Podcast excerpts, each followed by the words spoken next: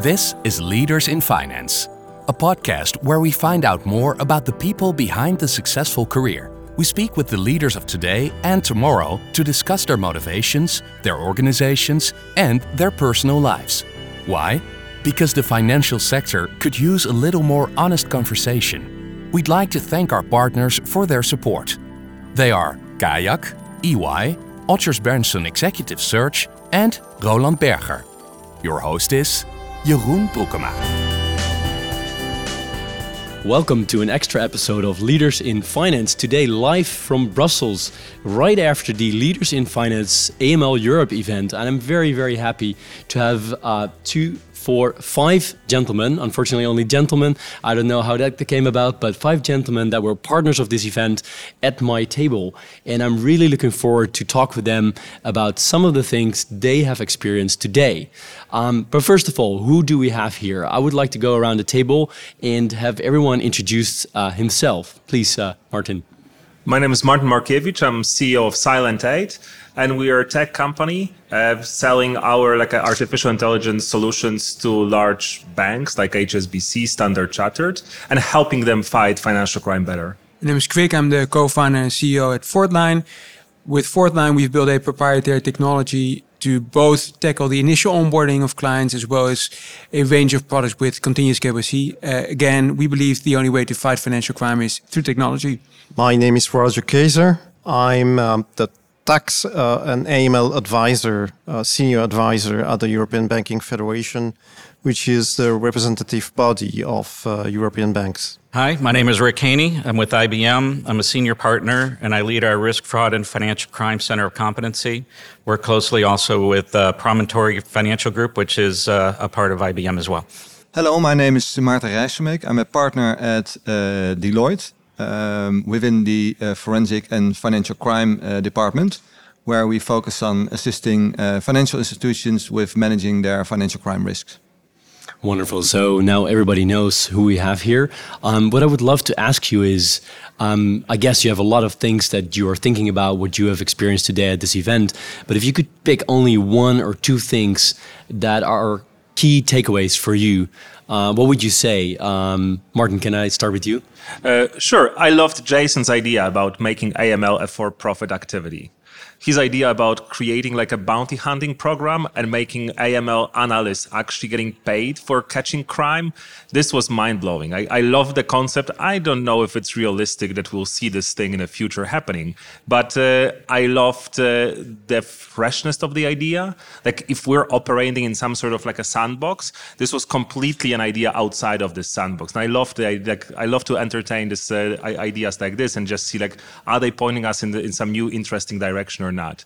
Because from our point of view, just like uh, just like you said, like there's a lot of things that we can do with technology, but we're only operating within some some some regulated space. So this technology can only push us so far. If we extend the space, if we make this space more of a, more diverse and uh, allow us to do more things, then all the entrepreneurial people with technology, with ideas, with uh, will come in and just fill it up with great solutions. That's great. Thanks for your answer. And you were actually pointing. Nobody could see that, but you were pointing at Krik. So, Krik, maybe you can uh, take it away from here.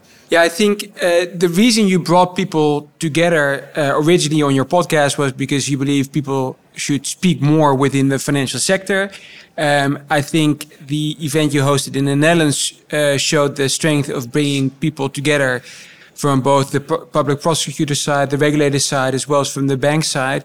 Um, and my key takeaway is that uh, now you've done it on a European level, which I think is phenomenal because we do need to speak more to each other.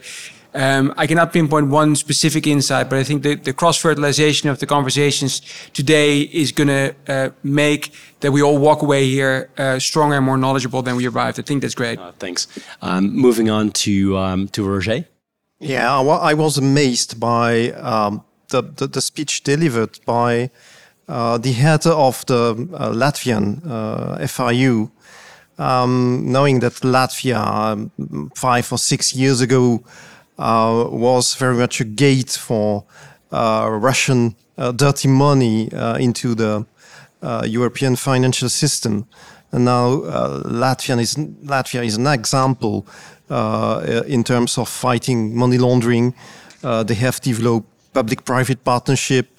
Um, and uh, the, the, the message was was very very refreshing and, and encouraging. Yeah, I can totally see that. Um, if we move on to to Rick, yeah, I think um, what was refreshing for me at this was to hear the open conversation about the desire to stop bad guys. So often when we talk AML, KYC, we think about the regulatory aspects and they're significant, but we forget what we're actually trying to do, which is to stop the bad guys. And I, I thought that was, was very refreshing. I think the other important insight is that it's a time for change. There seems to be change in the air. When you listen to the speakers from all parts, whether it's us on the consulting side, the FIs themselves, the regulators who are in the room, I think everybody knows that what we're doing isn't working. I don't think we have a clear idea of how to make it work when you think about the challenges of data and privacy and regulation uh, and the politics involved with all of that. But the fact that we're starting to recognize change is, uh, I think, um, um, really uh, well timed. I think so. Hearing that today was really refreshing. Thank you. And then um, uh, moving over to Martin, what were your um, key takeaways of the day? Yeah, I can I can really add to that. Uh, I I was triggered uh, and also pleased by the uh, provocative uh, input of of uh, Oliver and Jason this morning, where they really said that uh, the current framework is end of life, as far as it had a life at all in the beginning, and it really forced, I think, everyone uh, participants, uh, but also uh, within the audience, to really think how we can move towards a uh, an effective framework. And uh, I was really also uh, inspired by the passion of of everyone on stage and within the audience to to really move towards that that next step and and make an impact. Yeah, I agree with that. People people do care. That's that's the feeling I had as well. Um, so moving on to another topic, which is around what you guys see as the main opportunity um, for financial institutions, well, in Europe in this case. But if you could pick only one, maybe one and a half maximum things that you think are really, really big opportunities for financial institutions, and I'm just uh, pointing at all of you, like who wants to take the floor and, and answer this question? I think we heard a lot about the role AI can and should play, um, and in in helping to actually fight uh, you know money laundering activities.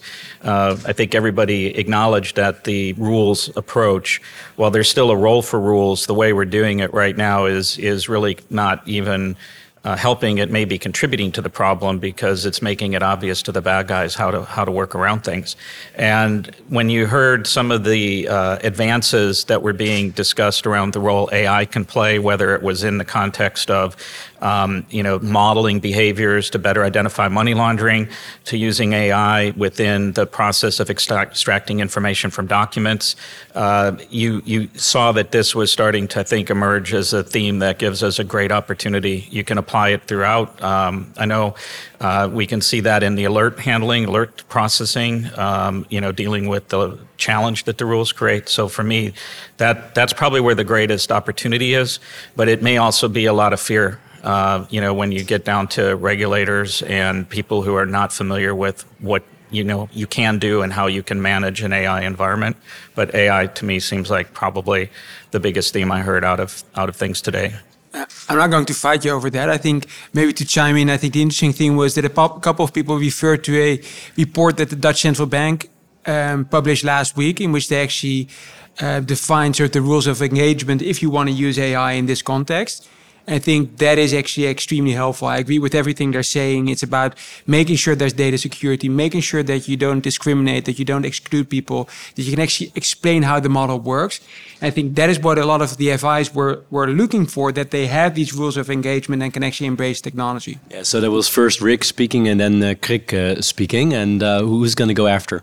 Martin. Yeah, so I was thinking that if I would have like one wish, like after after after this conference, uh, and this would be like a like a long term wishful thinking, if uh, like regulators around the world would come out and say like, okay, guys, like so tell me what do you need to do a good job, and uh, if they will listen to this and just blank write a blank check and just approve all those reasonable all those reasonable asks around data sharing, around uh, like how to govern and use models like uh, in, uh, in in this space, we would be looking at a very different landscape very quickly. So this like one small one small change would just make a, a world of a difference. Uh, thank you, Martin. So then Roger Maarten. Oh, who's going to go first? Uh, let's see, Roger, please. Yeah, the, the message, which, is, which in my view is very important, is that um, we can no longer no longer work in silos. So banks are really part of the solutions, and uh, that can take take take the form of uh, public-private partnerships uh, where um, uh, information is exchanged between all actors of the AML, AML ecosystem, including regulators, um, uh, law enforcement, and of course, obliged entities and banks. Uh, it's also the case of uh, using innovative tools. Uh, we have mentioned artificial intelligence. It's also uh, uh, the case of uh, shared utilities. Right. Thank you. And I'm um, sorry, Martin. Now it's your turn. yeah. And and and now, Roger, uh, uh, we have a Dutch saying that uh, the the the grass in front of you is mown away. Because I was going to exact to say exactly the same thing. Um, but but indeed, I, I, fully agree with Roger. Uh, uh, before we uh, start to apply AI, we first have to uh, bring all the parties together and bring the relevant data together and create ecosystems in the fight against financial crime. I, I'm a, a strong uh, believer in, in creating such ecosystems.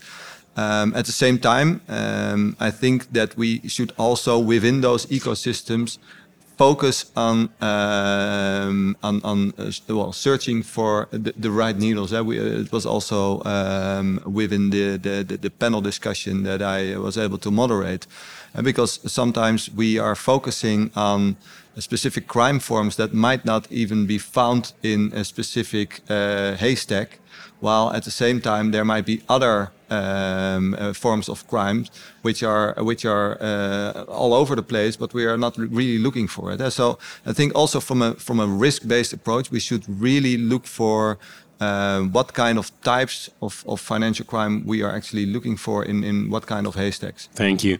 And um, not maybe not, maybe yes, I don't know. But um, I wanted to also talk about, uh, yeah, and I was going to say maybe not or maybe yes, the main opportunity for, for, for Europe is this point Oliver Bullough made in his keynote speech around cash money.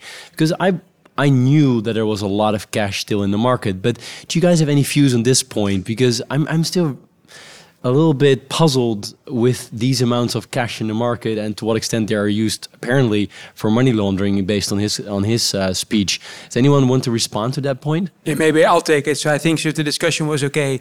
If you have decommissioned the 500 euro note, how much further should you go? And and for the people who weren't here, he indicated that an average ca cash transaction is 12 euros 31 cents. So you don't need a, a banknote above 20 euros. And I think that's um, in, in my view, an example of uh, where where the cure is, is worse than the disease, because then you're taking away bills, and if you think that that means that criminals will not find an alternative uh, uh, uh item to store their value, I mean, we've heard it this morning. Apparently, Gucci bags are a great way to store value. So I, I'm not necessarily convinced that taking cash out of the market is going to solve the underlying problem. Do, do, does everyone agree with this? I have no idea, but uh, at least like my thinking was when I was hearing this story, and like he was delivering a great story. The storyline and everything was absolutely spot on. But I was thinking like, is this one a correlation? Uh, is there some causation there or just a correlation? Maybe there's just more cash. And how tight is it like statistically with money laundering and, and using cash for money laundering? Because it fits the narrative perfectly. Like I, I was listening to this, like, oh, checks all the boxes must be true. But then I, th- then I started thinking like, is it? Are we maybe not looking at maybe some other factors? Like, uh, so on this one particular thing, I had some question marks. Like, uh, is this really is this really a thing? It might be. I just don't know. Marta. Yes, and and you know whether that cash money is is or isn't used in in uh, the criminal sector. Uh, it, it it also um, relates to the point I made earlier. If if you have a very cash intensive uh, criminal activity, like for instance drug trading, it doesn't make sense to uh, to fully focus, for, for instance, within financial institutions, on that particular type of uh, of money laundering. Uh, while you also have um, uh, criminal activities that are uh, not at all cash intensive, where the money is already in the financial system. And, and I think those are the needles that you should be looking for within financial institutions. Yeah? So it's also in, uh, about tailoring your approach. And, and um, uh, I think for financial institutions, the approach should be tailored to uh, less cash intensive uh, criminal activities. And, and uh, obviously, uh, we should also uh, take a good look uh, at the, the cash intensive um, uh, industries, for instance, in drug trading, but then uh, maybe in some other forum. Right. Anyone else that wants to respond on this point?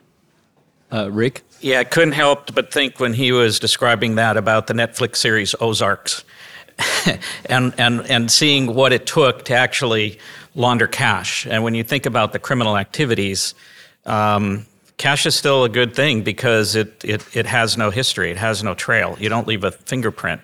So I think we do have to, you know, consider the cash factor.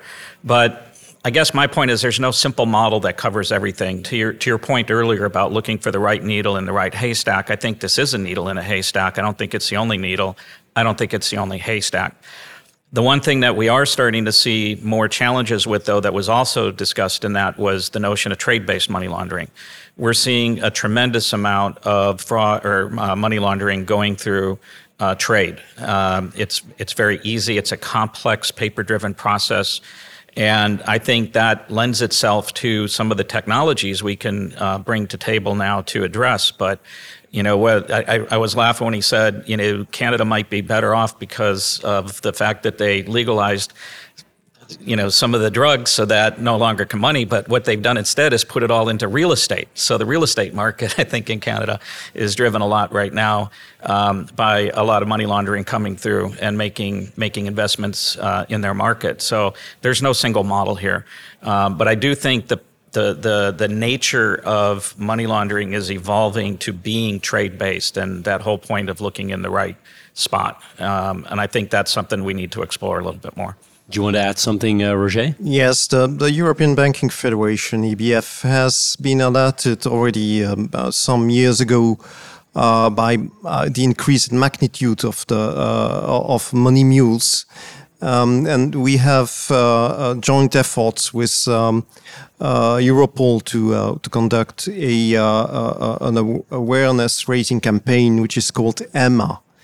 Uh, and it's it's very important to make uh, people understand the, the risk that they are uh, that they are facing if they enter in, into such schemes. Cool. Thank you very much for, for, for adding that.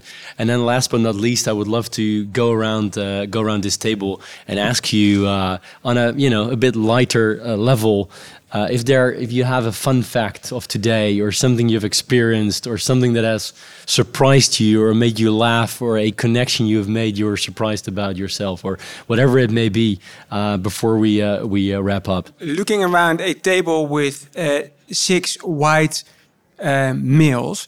I want to bring the attention to the fact that not only does Fourth Line have 50 different nationalities on the team and close to a 50 50 gender split, we actually hosted a dinner last night with attendees of this event with more women at the table than men. So it is possible. Yeah, no, I take all the blame. That's for sure. Um, but but yeah, equally we have partners, and they'll send a send a man to this, uh, send a mill to this uh, podcast. But thanks, Craig. I completely agree with you. Um, uh, anyone else? Uh, Martin. Yeah. So what I what I found very funny is that I showed up for AML conference, and it started off with uh, with Oliver's and uh, and Jason's presentations, and they and they just threw a grenade grenade in in in the room. Everything exploded, and like it's i just learned in the first two hours that we're all useless and we should just go and look for other job and i was just thinking it's so like brave to do something like this at the beginning of a conference that's about a very serious topic that that's uh, that's super serious that's a lot of like illegal things that, that, that needs to be discussed a lot of uh, hard technical challenges that needs to be discussed a lot of experience uh, from the field that needs to be shared. And you started off by just setting setting the like instead of like going through like a boring presentation or some bullet points or something like this you just slap everyone in the face they wake up and then you go through like a, through all through all this content. It was brilliant. Like I I laughed, and like when we were going to laugh, uh, lunch break, I was like, I can't believe I'm at AML conference. Thank you. Rick. Yeah, I did. I did like the trigger warning. I thought that was that set the stage well. Uh, for me, it was real simple. We were in the last session. There were the panelists. The window was open to let some air in, and there was a protest going on outside. And perfectly timed on one of the panelists' points, a tremendous yell, cheer, song, whatever, chant, whatever it was, came up, and we all looked and said, "That's probably the most important point we heard today." Cool. Uh, actually, by the way, Rick, I think it's uh, Wales playing uh, against Belgium tonight. Yeah, football, that's what I right? heard. Yeah, yeah, yeah. yeah, yeah. Okay. Uh, anyone else?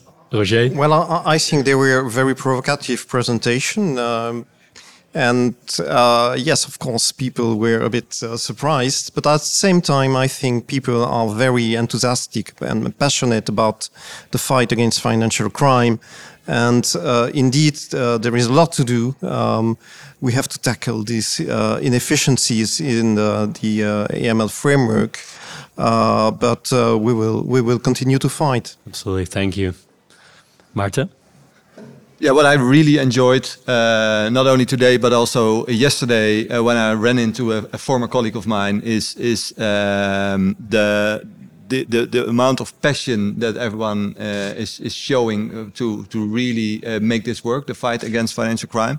And it's also a very small world because uh, the guy I ran into yesterday, I knew him uh, from my former life when I was still a prosecutor and he was working at the, at the Dutch uh, supervisor.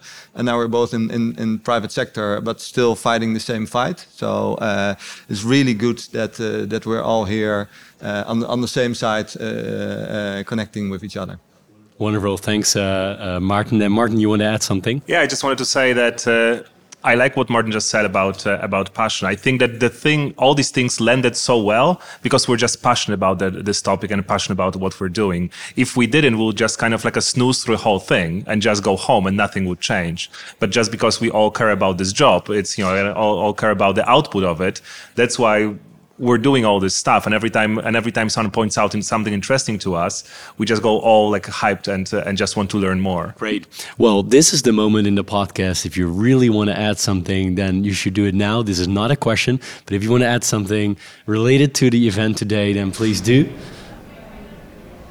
I'm just looking around. Is there anyone who wants to add something? Well, just want to thank you for putting together a good agenda, good topic, really diverse group of people, and uh, and and it was a brilliant session. It it did capture our passion. The problem with it, frankly, is how do we continue the discussions that we started? Because there was about three or four that happened today that I'm, I'd be just thrilled to kind of pick up and continue a bit of a discussion, a bit of a debate around. But I want to, you know, I think you guys did a great job pulling this together. Wonderful. That's that's very nice. You're saying that, and it's uh, at the same time a challenge for us to keep that debate going. So maybe that's uh, that's work for us to do. Uh, but all thanks goes to you here, uh, both for speaking with me uh, at this extra episode of Leaders in Finance, but also also for being partner of, of this event. I thank you very much, and I, I hope we can do this event next year again, same place. Thank you so much. Yes. Thank you. Nice. You've been listening to Leaders in Finance. We hope you've enjoyed the episode and would love to hear from you. What's on your mind?